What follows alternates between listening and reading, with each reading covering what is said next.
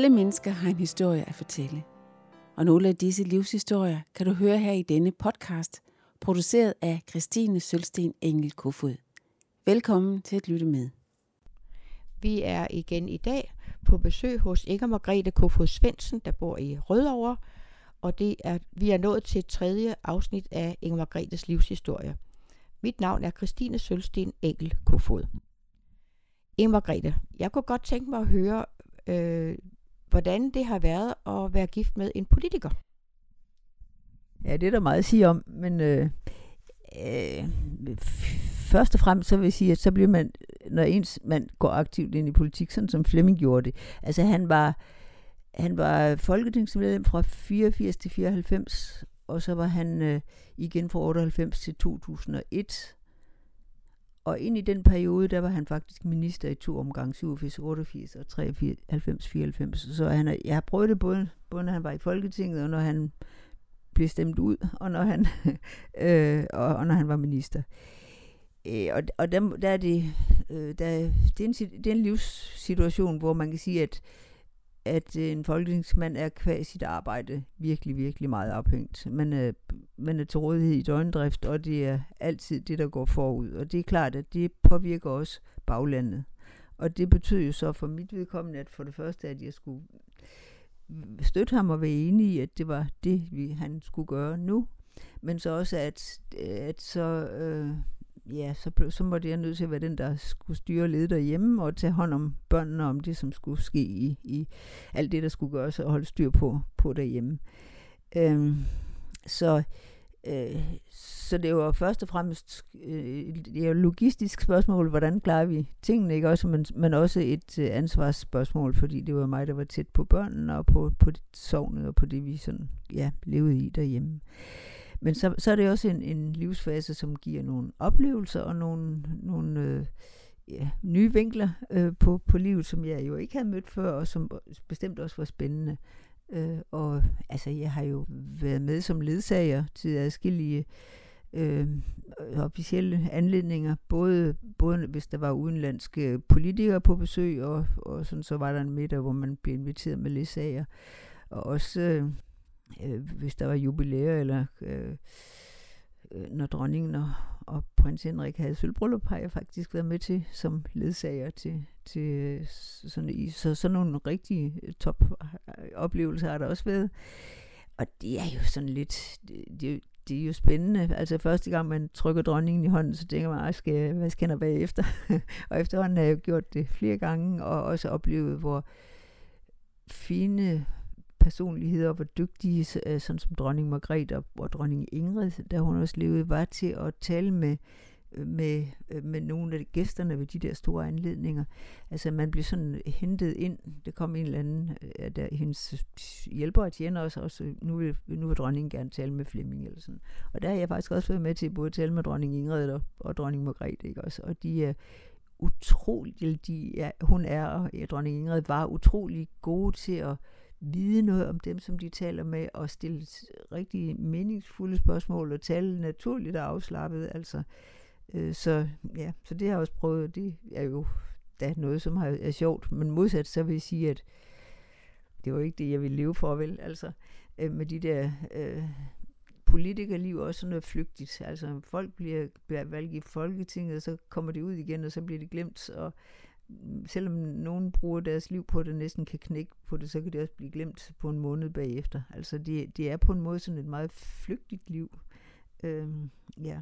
Jeg har også været med på enkelte rejser, faktisk. Ikke mange, men øh, og også hvor der så har været nogle, nogle opgaver til mig, fordi så, hvis man skulle med, så skulle man også gøre gavn på en eller anden måde. Så jeg har faktisk øh, i Japan og i Kina holdt foredrag om den danske højskolebevægelse på sådan nogle universiteter. så øh, ja, øh, så, men det er ikke noget, jeg har gjort meget, fordi ja, der har været brug for mig derhjemme, og hvis, børn, hvis livet skulle hænge sammen for børnene, så var jeg nødt til at være den, der var der. Og det kunne jeg så gøre, fordi jeg var deltidsansat på LMH, og ja, øh, og fordi jeg havde en god familie i ryggen. Så sådan, sådan var det. Så jeg vil sige, det har været en en stor oplevelse. Øhm, og det har egentlig også, egentlig også, jeg vil sige åndeligt set, været en, en oplevelse, fordi hvis man kommer med til sådan en, en officiel middag, så bliver man jo placeret et sted mellem den og den, og så skal man jo sidde der i tre timer, eller hvor lang tid det nu varer. Og så siger jo de der burherrer, man har rundt om, Nå, hvad laver du så? Og så når jeg sådan fortalte, at jeg faktisk var teolog og arbejdede på en kristen højskole og sådan, øh, Øh, og jeg var præstekonen i et sovn, og sådan, øh, ja. Men så gav det jo en god anledning til at forklare, hvad det er for noget, og det er jo der, det er påfaldende, at der er egentlig rigtig mange, som har sagt, altså, altså min mor, hun lærte mig faktisk også at blive aftenbøn. Eller sådan, for, fordi når anledningen er der, så er der mange, der har noget, som de ikke normalt kommer ud med, men nu er det ufarligt at sige det til sådan en som mig, ikke også? Så de har egentlig været, øh, været en god oplevelse, og også en oplevelse af, at sådan nogle politikere, som man sidder ved siden af og tænker, puh, hvordan kan jeg lige øh, sådan øh, relatere til dem? Altså, de er jo også almindelige mennesker, som også har en almindelig barndom, så jeg kan jo tilsvarende spørge ind til dem, ikke også? Og sådan, så på den måde, så har det faktisk øh, øh også været en, en, øh, en øjenåbner til, hvor, hvor almindelige folk er, og at man ikke skal være så, øh, man skal ikke sådan være så benovet over, over andre mennesker, altså. Så det handler sådan set om at ture ved sig selv. Øh, og jeg vil ikke sige, at jeg altid har været god til det, men jeg har i hvert fald stræbt efter det, og har jo egentlig haft lidt ved at tale med alle mulige mennesker. Det, har, det er også en del af, ja, det er gamle højskolelærer, ikke også, men ja, øh, øh, så, så man skal ikke lade sig kyse. Så jeg vil sige, at det har været, øh, det har været en, en, en spændende dimension, men jeg vil da jeg ville da langt foretrække at komme i en kristen menighed, altså, end at komme til politiske møder. Altså, det, ja, det andet, det, øh, det kirken og, og, og det kristne fællesskab, det holder. Ja. Men jeg kan jo huske, at øh, Flemming har fortalt, at da han blev spurgt om at gå ind i, det vel været, at han skulle være minister, der måtte han lige øh, hjem og spørge, om, om du var indstillet på, at han sagde ja til en 70 timers arbejdsuge. Ja, og det er jo realiteterne, altså. Øh, og det sagde jeg ja til. ja, og Flemming har jo altid arbejdet, han har sagt 70 timer, det gjorde han jo også i KFS. Så på den måde var det jo ikke, øh, der var det jo, det, det har vi prøvet før. så ja, øh, en oplevelse, som jeg egentlig lige kommer til at tænke på også med, med de der, det var nogle gange, når der var sådan nogle officielle øh, ja, politikere eller sådan diplomater på besøg, hvor, man, hvor ministeren normalt ville invitere dem ud på et hotel et eller andet sted at spise mad, så var der nogle gange, hvor Flemming valgte at invitere dem hjem. Det er vores præstebolig i, i uh, Birkerød, og det var vores eget privathus faktisk, uh, vi boede i, men, uh, men det var et stort hus, hvor der var, hvor der var god plads, og og det bliver ordnet adskillige gange, så jeg har faktisk lavet middag til sådan nogle udenlandske delegationer, øh, og har haft rigtig spændende mennesker ind under vores eget tag, også i den anledning. Og det var så ind i et hjem, og det kunne man tydeligt mærke, at for dem var det en kæmpe oplevelse, og oven i købet, når det var et hjem, hvor der var børn, der gik op og ned ad trappen, og, og sådan øh, også var der, altså, øh, og, og ja, og det viser igen, hvor, hvor altså, man skal ikke lade sig benove over menneskers titler, fordi, fordi de nød det i den grad, og det var egentlig også sjovt. Men det er jo, det er jo en unik mulighed for, for udlændinge at, at møde noget, der er dansk. Jamen helt klart. Altså hvis vi selv kommer til udlandet et eller andet sted, så er det også interessant at komme ind øh, og bo hos nogle mennesker. Vi har nogle gange sådan i vores ferie øh, øh, lejede, eller byttede hus. Dengang der var der noget, der hed et eller andet intervak, et eller andet ferie, hvor man kunne øh, for eksempel låne et hus i, i Amsterdam, har vi boet i, hvor de så lånte vores hus i Birkerød. Og, og så kom man jo ud og bo med de naboer, de havde, og skulle handle ind hos den slagter og den bager, som de handlede ind hos. Og, sådan. og det giver jo et helt andet indtryk, end hvis du tager til et feriecenter. Og sådan er det jo også med sådan nogle politikere, hvis de får lov at komme ind i et, et hjem og se, hvordan ser sådan et, et hjem ud, og hvad laver man her, ikke også? Sådan, øh, øh, ja, det var godt. Altså der tænker jeg også, at jeg ved i hvert fald fra, øh, altså hvordan englænder de reagerer på, at man i Danmark, altså man, man, man pynter jo op på væggen, og man, altså, det, det er bare hygge. Jamen, det er rigtigt, og, og det ser man jo i et privat hjem mere, end man gør på et hotel, ikke også? Så ja, og, og der er der nemlig rigtig mange, som hos i Danmark, altså øh, bemærker det med hygge og med, ja, måske hjemmebagt kringle, eller, eller hvad det nu måtte være. Ja, ja. Ja, så det må have været vildt spændende, men, men var du ikke så nervøs for, om, om nu maden den blev okay? Jo, det har jeg garanteret været.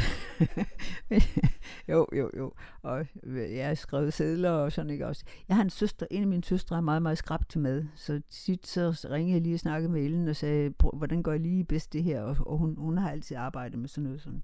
Og hun er, øh, så jeg havde en rigtig god øh, en i ryggen at kunne spørge så det, det gjorde jeg brug af. Men altså, det er ikke fordi, jeg er nogen ørn til det, men jeg, jeg har vel lidt med, at der er noget, der skal gøres, og så gør jeg det men det er også frimodigt. Jeg tænker, øh, der kommer sådan folk fra udlandet, fra ambassader, og jeg, hvad ved jeg.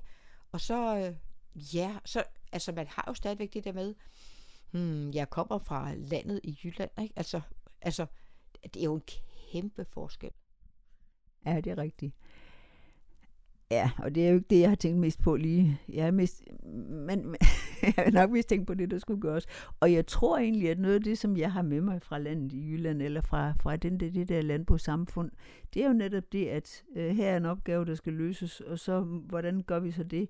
Og så gør jeg så godt, jeg kan. Og jeg ved godt, det måske ikke bliver perfekt, men jeg gør det, og så, øh, så må det gå sådan, som det gør. Altså. Og der tror jeg egentlig, at jeg har haft netop, altså jeg er nok lidt, lidt altid et menneske, som både kan lide praktiske ting og boglige ting og møde mennesker. Jeg, jeg, har, jeg har lyst til ret mange forskellige ting, og så, og så har jeg sådan, jo, så har jeg netop det der solid med mig, så gør jeg det bare. Jeg skal ikke nødvendigvis have folk til det, vel? Jeg gør det bare.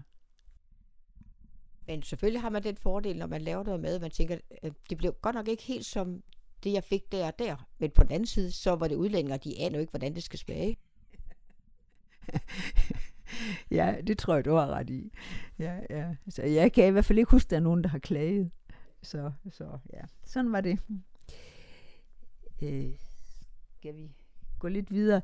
Ja, øh, det, ja, vi nærmer os egentlig den tid, hvor jeg, hvor jeg sådan sluttede mit officielle arbejdsliv faktisk.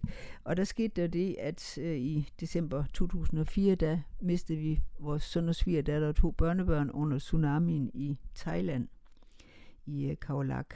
Og det var jo et, en forfærdelig tragedie, og i, i øh, ja, det, det, de næste halv, tre kvart år, hvor vi inden vi sådan havde fået alle Øh, alle urnerne hjem, der, der var vi på, på mange måder i frit fald. Det var en, en virkelig besynderlig tid, og det værste, jeg har oplevet i hele mit liv.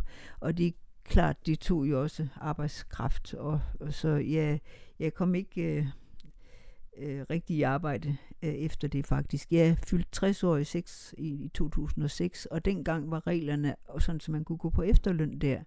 Og i virkeligheden var det sådan, så hvis man hvis man ikke var i beskæftigelse, og så gik mere end fire måneder og ikke var i beskæftigelse, så blev man automatisk sat på efterløn. Så det er jo virkelig blevet noget anderledes end til nu, hvor man skal søge alt muligt for at kunne få en seniorpension, eller hvad det nu er. Men altså dengang var det sådan, så jeg gik faktisk på efterløn som 60-årig. Men jeg var jo stadigvæk dengang øh, præstekone i Birkerød, og øh, vi øh, kørte arbejde i missionshuset, og vi kørte bibelgruppe i Sovnegården, og vi var, var med Flemming, han, han øh, var også, havde også en, en lille tilknytning, 20% tilknytning til sovnet faktisk, som han i, i hvert fald i sommerperioden og i hellig, helligdage og sådan, øh, virkede som præst i Birkerød, så vi havde stadigvæk ligesom den opgave. Og øh, øh, ja, jeg var... Øh, jeg var også på det tidspunkt jo begyndt at have børnebørn, øh, som havde brug for en farmor. Og, øh, så det, det var også med til at, altså der var, der var flere ting, flere opgaver, der kaldte på mig. Så det, ja, det, det kom til Inge Margrethe, jeg kunne godt tænke mig at høre lidt mere om, hvordan I reager, du reagerede på, øh, at I fik besked om, at der var den her tsunami, og at jeres søn og svigerdatter og to børnebørn, børnebørn var omkommet. Hvordan fik I beskeden? Var det fra Udenrigsministeriet, eller hvordan blev I klar over, at, at de var involveret? Øh, vi vidste, at de var på familieferie i, i Kaolak i, i Thailand, og vi var faktisk i, selv på juleferie, eller nogle dage julen i, i Syrien på det tidspunkt, fordi vores datter studerede arabisk i, i, i, i Damaskus øh, på det tidspunkt, så vi var taget ned for at, at holde jul sammen med Katrine og hendes veninde.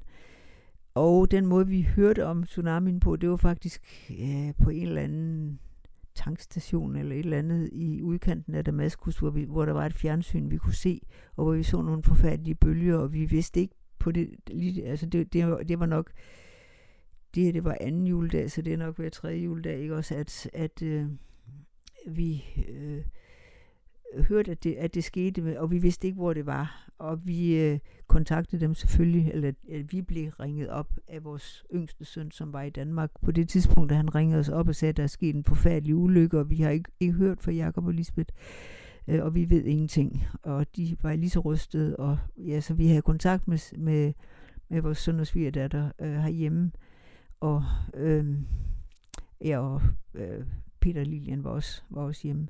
Så vi, så børnene var, var herhjemme, men øh, ja, men, men vi skulle så øh, hjem, vi skulle rejse hjem fra Syrien i, i mellemjulen før nytår, så det gjorde vi så, og tog selvfølgelig straks kontakt til, til Udenrigsministeriet, og, og da, man vidste jo ikke, hvor det var, hvor meget det var sket, og det var noget, der tog en kvart million mennesker over et meget, meget stort område, så vi levede jo i mange uger øh, uden egentlig at vide meget. Og, og vi hørte ikke fra dem, og vi hørte heller ikke om dem.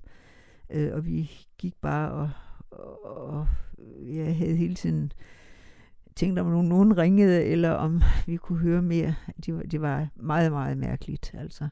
Øh, og så efterhånden så gik tiden jo så så længe, at, at øh, vi også fra Udenrigsministeriet fik at vide, at at det var usandsynligt. Altså, når ikke der var kommet nogen reaktioner, og, og andre ikke havde hørt om det, og danskere, der havde været i området, hvor de var, havde man kontakt med, og sådan.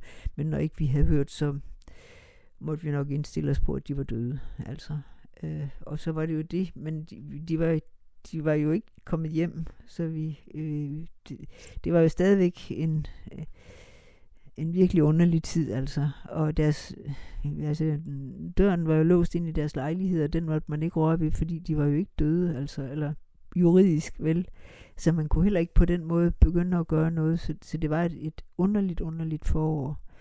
Øhm, men så skete det, det hen i marts måned, at man identificerede både Jakob og Lisbeth.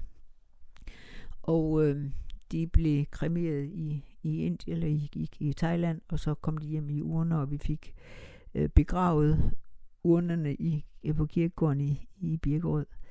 Øh, vi var henne i juni måned, nej, var det slutningen af maj, før Regitze blev identificeret. Hun var tre år, da hun døde. Og øh, der fik vi så hendes urne hjem, også i sådan en lille sølvurne derude fra. og vi var helt henne i slutningen, jeg tror helt i slutningen af juli, hvor før de identificerede Silas, og han var nok den den øh, sidste dansker. Der var en, som de aldrig fandt, men ellers så var den, så han var sådan den næst sidste på listen. Øh, og det var lige slutningen af juli, og hans øh, urne kom hjem i, i starten af august. Så jeg vil sige fra nytår så frem til øh, 8. august, eller hvornår det var, der øh, inden vi sådan havde urnerne hjemme, men vi har jo haft en grav øh, siden, ja, vi siden vi fik Jacob og Lisbeth hjem. Øh, så det var, det var et ord, som jo tæede på alle kræfter. Så, så jeg vil sige, at øh, ja, efter det, der, der, kom jeg, der kom jeg ikke rigtig i arbejde mere. Så, men altså, det, ja, det er jo noget, som vi bærer på, og jeg vil sige, det er jo en, en byrde, som vi har, som aldrig går væk. Altså, jeg har tit sammenlignet det med, at man har sådan en, byrde i en rygsæk på, på ryggen, og det bedste sted at bære den, det, det er en rygsæk, sådan, så man kan rette sig op, og man kan bruge arme og ben, og man kan gå fremad. Men den er der stadigvæk, og, og dukker frem, og en gang imellem må man kigge ned i rygsækken. og det er okay, og man må græde lidt, og det er okay, og, og man må, eller vi må ligesom øh, handle videre øh, ud fra ud fra det, at sådan er virkeligheden. Virkeligheden bliver ikke anderledes af, at at vi holder op med at leve selv, altså, øh, eller, eller isolere os, eller gå i spåner. Øh, på en eller anden måde, så, så må vi have, have sorgen og smerten med os, og så er det en del af vores identitet fremover. Og det bliver også lettere at trække vejret, når man kan, kan tage den med sig på den måde, i stedet for at, den, øh, i stedet for at blive lammet øh, af den. Og så sker der jo også det, at livet kommer til os forfra, med nogle gode ting. Vi fik nogle flere børnebørn. Øh, Øh, vi fik et, et nyt barnebarn ganske kort, altså i måneden efter. Øh, efter tsunamien, og der er kommet øh, flere til sine senere da. Vi har, vi har ni levende børnebørn nu. Så vi må sige, at, at livet kommer også os i møde med nye gode ting. Og øh, ja, vi lever så også i vidstheden om, at Jakob og Lisbeth og Silas og Regitza er hjemme hos Jesus. Det var det, som ham, ham var de hos, da de levede i levende liv her, og ham er de hos nu. Og det, det vi trygge i. Det tager ikke sorgen og smerten og savnet væk, men det giver en, en øh, øh, den ro, som gør, at man, at i hvert fald jeg, kan ligesom på en eller anden måde øh, acceptere virkeligheden øh, og, og, og sige, at sådan er virkeligheden, og så Gud ser mig her, og så må det være hans mening. Det er jo ikke mig, der døde, så må, må det være meningen, at jeg skal leve, og så skal jeg leve for dem, der er, øh, der bliver lagt hen til mig nu, og, og være åben for de opgaver, som Gud giver mig nu, og så, øh, og så må jeg gå dem i møde med den bagage, som jeg har, og med det savn, som jeg har, og som aldrig forsvinder.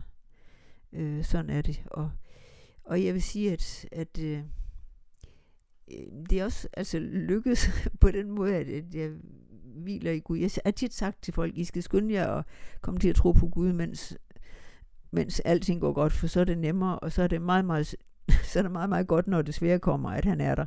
altså, øh, jeg vil sige, at, at jeg kan jo også i bagspejlet på en måde erkende, at lige præcis når det var aller, aller mørkest og mest håbløst, så var Gud på en eller anden måde næsten også allermest nær. Øhm, og ja, og på en eller anden måde gav den fred, som jeg ikke kunne fatte, jeg skulle tage imod, eller at den var der, men alligevel så bar han. Altså. Og det kan man bedre se efter nogle år, end man, man kan sige, mens man står i det. Men øh, det er forskelligt fra person til person, hvordan man har det. Men ja, jeg vil sige, jeg tror, at vores børn og børnebørn er hjemme hos Jesus, og, og at vi også skal komme der. Og det er det, jeg hviler i. Altså, der er jo den store risiko, når I bliver udsat for sådan en mega traumatisk oplevelse, at I faktisk er så bundet i sorgen, at I kunne glemme de andre børn og svigerbørn og børnebørn.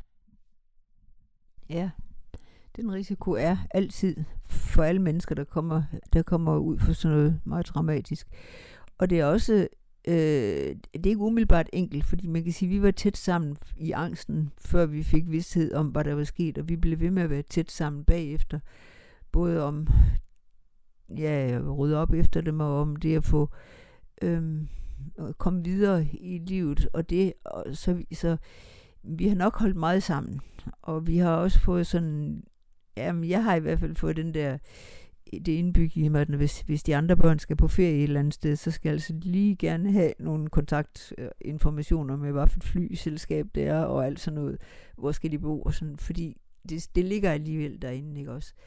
Øhm, men men det, man skal tage sig af de andre, men vi, vi oplever jo også, øh, at øh, vi alle sammen har hver vores måde at gøre det på. Altså, så det er ikke kun et spørgsmål om, at nu skal vi være sammen og snakke om Jakob og Lisbeth, eller sådan. Vi skal, hver gøre det på sin måde, og, og nogen har let ved det og har behov for at snakke sammen, og nogen har behov for at, at have det for sig selv. Og den der rummelighed hvor man har øh, for hinandens øh, øh, måde at bære smerten på. Øh, og det vi vil ikke verdensmestre i, altså, men øh, det er der nok ikke så mange, der er. Men øh, i hvert fald så har jeg sige, at sådan som familien er nu, så hænger vi ret meget sammen, og det gælder også de børn, eller de børnebørn, der kom til siden da, at de føler jo også, de kender Jakob og Lisbeth og Silje Sargit, hvor vi snakker så meget om dem, og der er billeder af dem over det hele, og, og vi fortæller, hvad de sagde, da de var små og sådan noget. Så, så jeg vil sige, at vores yngre børnebørn føler sig også i familie med dem, altså, øh, og det er, det er fordi, vi har haft en en øh, vis åbenhed. Jeg vil ikke sige en ubegrænset åbenhed, fordi vi netop er forskellige. Men øh, ja, der blev, der, der blev plads, øh, sådan så vi også kan sætte ord på og også kan gøre det i dag. Men i hvert fald er det vigtigt, at, at dem, der er, der, dem, der lever, at de oplever, at det betyder noget, at vi er her. At man ikke bare ligesom dør sammen med dem, der døde. Ja, ja. Det har du fuldstændig ret i. Og så vil jeg sige, at den bedste måde at komme over den hurdle, det er jo ligesom at se, hvor dejlige de er. Og de, og børn kalder jo på, på smil og på, på bedste møder. Ikke også? Og, og så den bedste måde, det er simpelthen at tage imod den velsignelse, som det er, at der, at der kommer nye. Øh, at det er jo ikke nogens skyld, det her vel. Altså, så på den måde, så kan man sige, at at øh, der er jo ikke en bitterhed på den måde, men, øh, men altså, jeg vil sige, den bedste måde at komme videre. Jeg plejer nogle gange at sige, at, at nye børnebørn erstatter ikke dem, vi mistede. Men det er godt nok den bedste måde at blive distraheret på. Ja, de har mange input til, til dagligdagen, så det er jo rigtig fint. Hvis du tænker, øh, hvad, hvad har livet lært dig, sådan, øh, hvis du skal tage det sådan på et, sådan, lidt et helikopterniveau? ja, jeg er 77 et halvt. Øh, og t- jeg tænker, og jeg har også gjort det i anledning af det, at du skulle komme og øh, t- lave det her interview, men sådan ligesom som at sige, at øh, jeg har egentlig følt mig ledet. Altså, øh, farmors bibelord, det er jo det, der lærer mig din vej her. Øh, og, og i, i de første år, så var det noget med min dårlige ryg, der gjorde, at jeg ligesom måtte gøre det, som jeg gjorde, fordi det var den vej, der var åben, og den var god. Også? Og og så fra jeg var på bibelskole, der følte jeg jo et kald til teologi, og, og, og ligesom sagde til Gud, nu må du lukke døre op eller i, og så nu går jeg. Og så oplevede jeg simpelthen, at dørene blev smækket op, altså både da jeg kom som student til Aarhus, og da jeg mødte Flemming, og da jeg, inden jeg var færdig med min eksamen, blev jeg opfordret til at søge stilling i Hillerød, ikke også? Og jeg blev faktisk opfordret til at søge Credo forlag, så jeg ligesom følte, at dørene blev lukket op, så jeg egentlig ikke sådan tænkt på, at det nu rigtigt, skal jeg nu søge, og er det nu godt, og sådan noget. Jeg har bare tænkt, okay, nu er den dør lukket op, og så går jeg den vej, og så må Gud jo lukke, hvis det er, ikke også? Øh, så jeg, jeg ser egentlig, at det har nok sådan været lidt en rød tråd, at der bliver lukket nogle døre op, som jeg frimodigt har gået ind af, og så ladt være med at spekulere over, hvad kunne jeg have gjort, hvis jeg havde gået en anden vej, eller hvad nu hvis, altså mener, det jo teoretisk. Det handler jo om på en måde at se værdien i det, jeg er, i den dag, som er i dag, og den opgave, jeg skal løse i dag, og, og de ansvarsområder, som ligger foran mig, nu. Og så vil jeg sige, at det er genialt at være teolog. Fordi når man er i en kristen sammenhæng og i en menighed, så, så, så, han, så det er jo det, det handler om.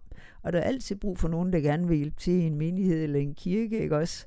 Så jeg har jo jamen, holdt undervisning og foredrag og bibelgrupper og øh, søndagsskole. Jeg har været søndagsskole i en stor del af mit liv, også som præstekone, ikke også? Og, øh, ja, og nu er det så bibelgrupper og menighedsråd og provstiudvalget, sådan som jeg er med i, og øh, ja, med i menighedsrådet i, i Virslu, der, der, der leder min mand og jeg også en, en bibelgruppe, og jeg holder også nogle undervisninger og foredrag der, sådan, så ja, så, så, så det er jo genialt at kunne bruge, blive ved med at bruge sin gamle lærer, sin gamle højskolelærer, og ligesom sige, hvad der lige brug for her. Så jeg vil sige, at nu orienterer jeg mig også ud fra, ligesom, hvad for nogle behov er der nu, øh, hvad skal jeg i dag? Og så og så er det måske også, fordi jeg er gammel, men jeg har det altså også sådan, så jeg ligesom i min morgenbøn beder Gud om at vise mig, hvad skal jeg i dag? Mind mig om det, dem, hvis der er nogen, jeg skal huske at snakke med, eller et eller andet, jeg skal huske at gøre, eller sådan, og give mig kræfter til det, som jeg skal, og give mig frimod til at lade være med at gøre det, jeg ikke skal. Det er måske, øh, det er måske egentlig en udfordring, som gamle koner godt kan øh, have, have brug for at, at blive opmærksom på, fordi Øh, fordi vi kan selv lidt bekymre os om alt det, vi egentlig gerne ville, men ikke kunne, og ikke, øh, vi for 20 år siden kunne noget, vi ikke kan nu, og sådan. Øh, og det, vi skal også få lov til at hvile det, vi kan, og Gud han vil give os udrustning til det, og så må vi også frimodigt lade være med at gøre det, som vi ikke kan. Og så egentlig prøve at være åben om, hvad vi godt kan, og hvad vi ikke kan. Ja. Øhm, jeg har taget værdier med mig fra min barndom og ungdom, og ikke mindst ligesom det der med, på en måde med pligt, troskab. Altså, man spørger ikke lige, om det er dejligt, men om det skal gøres. altså, øh, og så vil jeg sige, at øh, ansvar, ansvarsfølelse, det er også noget med pligt, troskab. Øh, det har jeg også taget med mig hjemmefra og fra det liv, som Gud har givet mig. Og så har jeg jo taget kærlighed og fællesskab med mig, også fra mit barndomshjem og fra min familie, øh, både dengang og nu, og nu også alle vores dejlige børn og børnebørn, og den menighed, vi kommer i. Så stor skal vi sige, glæde over, over de rigdomme, som Gud har overøst os med. Altså. Og en erfaring af Guds nærvær, både i sorg og glæde. Og selvom tsunamien var det forfærdeligste, vi oplevede, så, så var der også en erfaring af Guds nærhed i det, som, nej, jeg vil ikke sige, at jeg ikke vil være det foruden, fordi, fordi på en eller anden måde vil jeg jo, vil jeg jo alt andet end, end at sige noget godt om tsunamien, men, men, men alligevel, så er det også, når, når ting går allermest ondt, og jeg har allermest brug for, for Jesus, at han så også er allernærmest. Og det er også en rigdom at tage med sig i sit liv. Så ja. Og noget af det, som har fyldt noget også i, i, i de mange år, også på Credo forlag, det er egentlig også noget med det kristne håb. Det har jeg snakket om i lang tid før en tsunamien. Og vi, vi var, jeg var med til at udgive en bog på Credo, det, der faktisk hed, det hed Det kristne håb. Hvad er det egentlig, vi håber på? Ikke også? Øh, og jeg vil så sige, at jeg vil efter tsunamien, vil jeg sige præcis det samme som før. altså, øh, egentlig, øh, så kunne man godt tro, det er noget med, at så skal jeg være sammen med mine børn. Og det glæder jeg mig meget til igen, og også mine forældre og svigerforældre og bedsteforældre og sådan. Men, men, øh, men øh, bevidstheden om, at, at vi er kaldet ind i livsfællesskab med Jesus. Trofast er han, som kaldte jer til, til, øh, til, til samfund med sin søn Jesus Kristus, vor Herre. Altså det er jo, det er jo livsfællesskabet med Jesus, som er her og nu, og som ikke hindres af døden. Øh, det blev helt klart, da vi mistede den første, den første af vores bedsteforældre, det var farfar, der døde af en blodprop lige så pludselig, og vores børn var ikke så store dengang. Og, og ligesom det der med, at farfar har levet med Jesus altid, og han er hos Jesus nu. Altså den der bevidsthed, hvor som næsten var fysisk mærkbar, altså at han er gået et andet sted hen, men han er, han er hos Jesus nu, og, og er ikke svigtet af ham. Og det, det har, så har vi mistet alle vores, alle vores forældre på begge sider.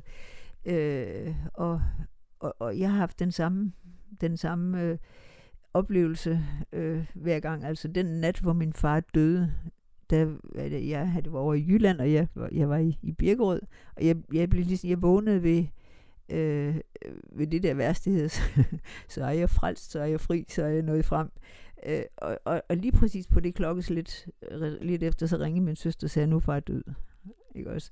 Og, og, og ligesom, jeg tænker, jamen en hilsen fra Gud om, at nu har, nu har han flyttet hjem til mig. Ikke også? Og, og jeg vil sige, sådan, den, den slags erfaringer, synes jeg egentlig, jeg har flere af. Altså, min mor havde en hjerneblødning og lå i flere dage, og, øh, og ikke kunne noget, så døde hun lige så stille, og det var, det var helt, som det skulle være. Men og jeg var ikke hos hende, da hun døde, men lige ret, ret kort tid forinden, og hun var uden bevidsthed. Men når vi sang og bad for hende, sådan, så kunne vi simpelthen se, at hun var der, og hun kunne mærke det, og hun er gået lige ind i Jesu favn, og jeg er sikker på det. Altså. Så jeg vil sige, at, at det, det er en, en, en, når jeg ser tilbage, en utrolig rigdom, øh, hvor jeg egentlig oplever, at jeg har været i Guds hånd. Øh, det er bestemt ikke uden bøvl, og det er bestemt ikke uden krav, og uden erfaring af, at jeg ikke slår til, og jeg gør noget, der er fejl, og jeg kommer, kan gøre forkert over for mennesker, og jeg har brug for at bede om forladelse og alt muligt. Så det er ikke på den måde et øh, sådan øh, et drømmeliv, vel, men, men en, en tryg, en tryg, et tryg liv. Og øh, Øh, som kristne, så er, har vi en hyrde, der går foran os, og det betyder, at det kan godt være stok og sten, og det kan være farlige grøfter, og det kan være, man får rifter og sår, men hyrden går foran, og vi skal bare følge efter. Og det er sådan ligesom det, jeg tager med mig fra mit liv, og det er det, som, ja, som jeg tænker, at, at jeg også har at give videre, og som jeg selvfølgelig også prøver at sige i de sammenhænge, hvor jeg får lov til at være, være den, der siger noget.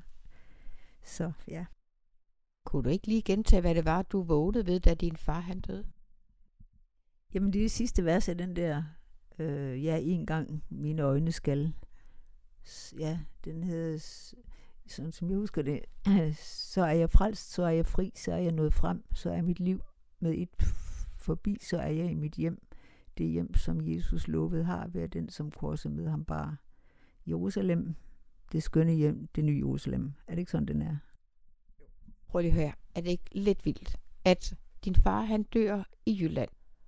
Du bliver vækket i Birkerød med en hilsen fra himlen, at nu er din far hjemme hos Jesus.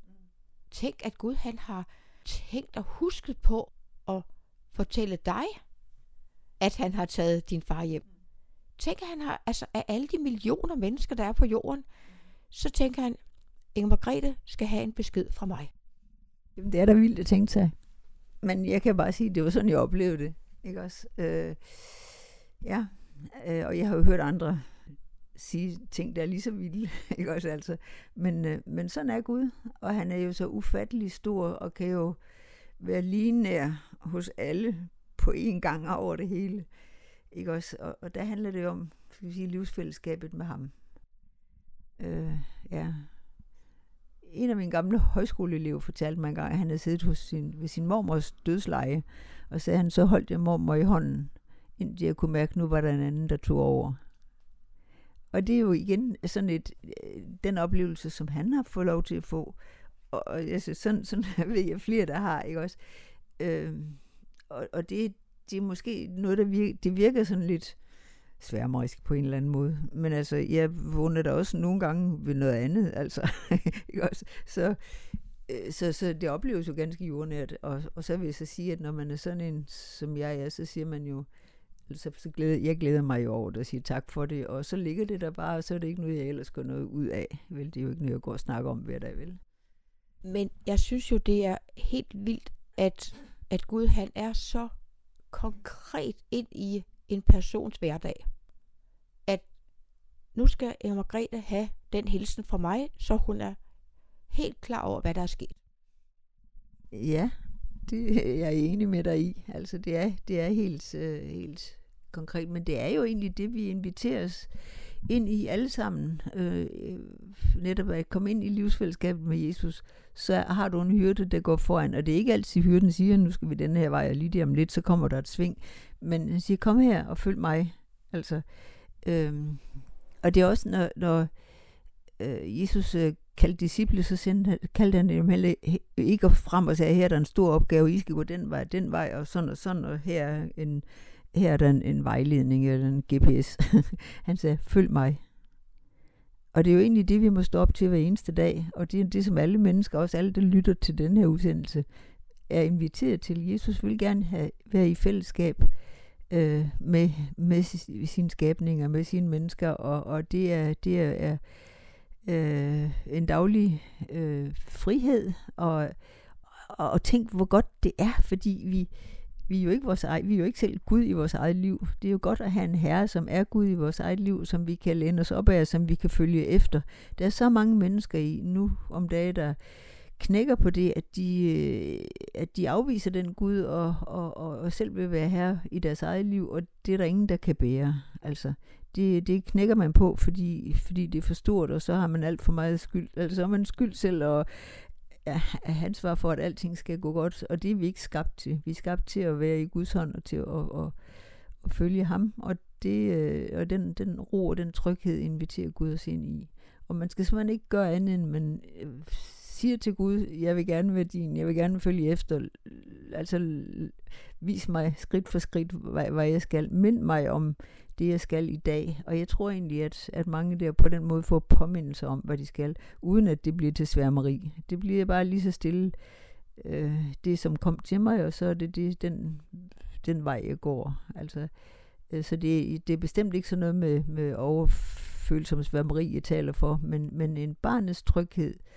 Altså, når vi nu har talt om, at øh, at øh, Flemming han har været meget med i politik og haft stor stilling i Danmark og har været kendt og, og altså mange ting, som folk de stræber efter i dag. Og så når vi så hører, at på trods af meget medgang sådan i det offentlige liv, så siger Jesus, nu er det tsunami, og nu går vi sammen igennem mørkets dal. Ja, øh, og begge dele må vi ligesom tage af Guds hånd. Altså, øh, og det er klart, øh, Gud gør tit noget, som vi selv tænker, hvorfor dog det? Og, og øh, det er jo er det ikke urimeligt. Og også mod andre mennesker, altså hvorfor skal han eller hun opleve noget, der er så hårdt og så mange gange og så længe, ikke? Også, vi, vi kan synes, at det er, det er urimeligt, vi kan ikke forstå Gud. Men så må vi sige det til ham, vi kan ikke forstå dig, hvorfor gør, hvorfor gør du det? Men lad os kunne hvile, eller lad det menneske, som jeg, som jeg lider med i det her, lad det menneske hvile i din hånd og få lov at erfare, at, at, øh, at du er der, og at du bærer både, når det går igennem øh, grønne enger og mørkets og dødskyggens dal, eller mørkets dal, Øhm, og det er jo det, vi kan gøre. Vi kan lægge hinanden i Guds hånd, og vi kan, øh, og vi kan også at andre bliver mindet om, at vi selv er det. Fordi altså, jeg kan også have det sådan, så jeg kan have dage, hvor jeg glemmer, eller periode, hvor, hvor det ligesom er fjernt. Men så må, må jeg lægge øre til andre, der siger det til mig, som jeg selv nogle gange selv siger til andre. Ikke også? Og, og på den måde hører vi også sammen som, som kristne, at, at øh, vi bærer hinanden i tro, og vi bærer hinanden i livserfaring, og, og det er rigt at kunne dele med hinanden, og det er det jo også, øh, sådan som, ja, som jeg nu har sagt ja til at gøre det med lytterne her, at øh, jeg er jo bare, øh, jeg er bare mig, og ikke noget særligt, men, øh, men et, et helt almindeligt liv kan sagtens være et liv i Guds hånd, og være være noget, som han bruger der, hvor han vil det, og det må han så om. Det er ikke mit ansvar, men, men øh, jeg må være tro der, hvor han sender mig, og, og prøve at gøre fyldest til de opgaver, som, som den her dag øh, rummer, og som, ja, og som er min, som et kald i dag. Og, og, og, og det giver mening, og det vil det gøre det for mig, og det vil det også gøre for en hver anden, som begiver sig afsted på vandring med Jesus og i følgeskab med ham. Altså jeg har et, et, et øh, en lille ikon hængende over mit skrivebord, for der, hvor der står, er på der billede af Jesus, hvor han med en græsk bibel står den der, den som følger mig skal ikke vandre i mørke, men have livets lys. Og det der med, at man ikke, at den der følger, det er sådan en, en det er sådan en græsk form, der er en præsens participium, og det betyder simpelthen, at den som vandrer i følgeskab med mig, og ikke bare, Altså, når den, der følger mig, det kan godt være sådan, at godt, nu går jeg efter, og du bestemmer, at du er herre, eller sådan. Men den, der vandrer i følgeskab med mig, han skal ikke vandre i mørke. Aldrig. Men have livets, men, men have livets lys. Og det kigger jeg tit på, og siger, lad mig være i følgeskab med dig her. Og det er også et, et kald til, til os alle, at vi må ikke tro, at vi selv skal udstikke øh, vejen, eller have svar på alle de spørgsmål, der dukker op, eller kunne alt det, som vi synes, der ville være genialt at kunne lige præcis i den her situation. Men vi må, vi må følge med ham, der, der har overblikket, og så må så hvis der er noget, der ikke bliver så godt, så er det det. Altså, øh, i, i vores øjne, Gud ved, hvad han bruger det til. Øh, og vi ved, at altså, det kristne håb er jo så netop også, at det er Gud, der skal vi sige, der sætter det endelige punktum.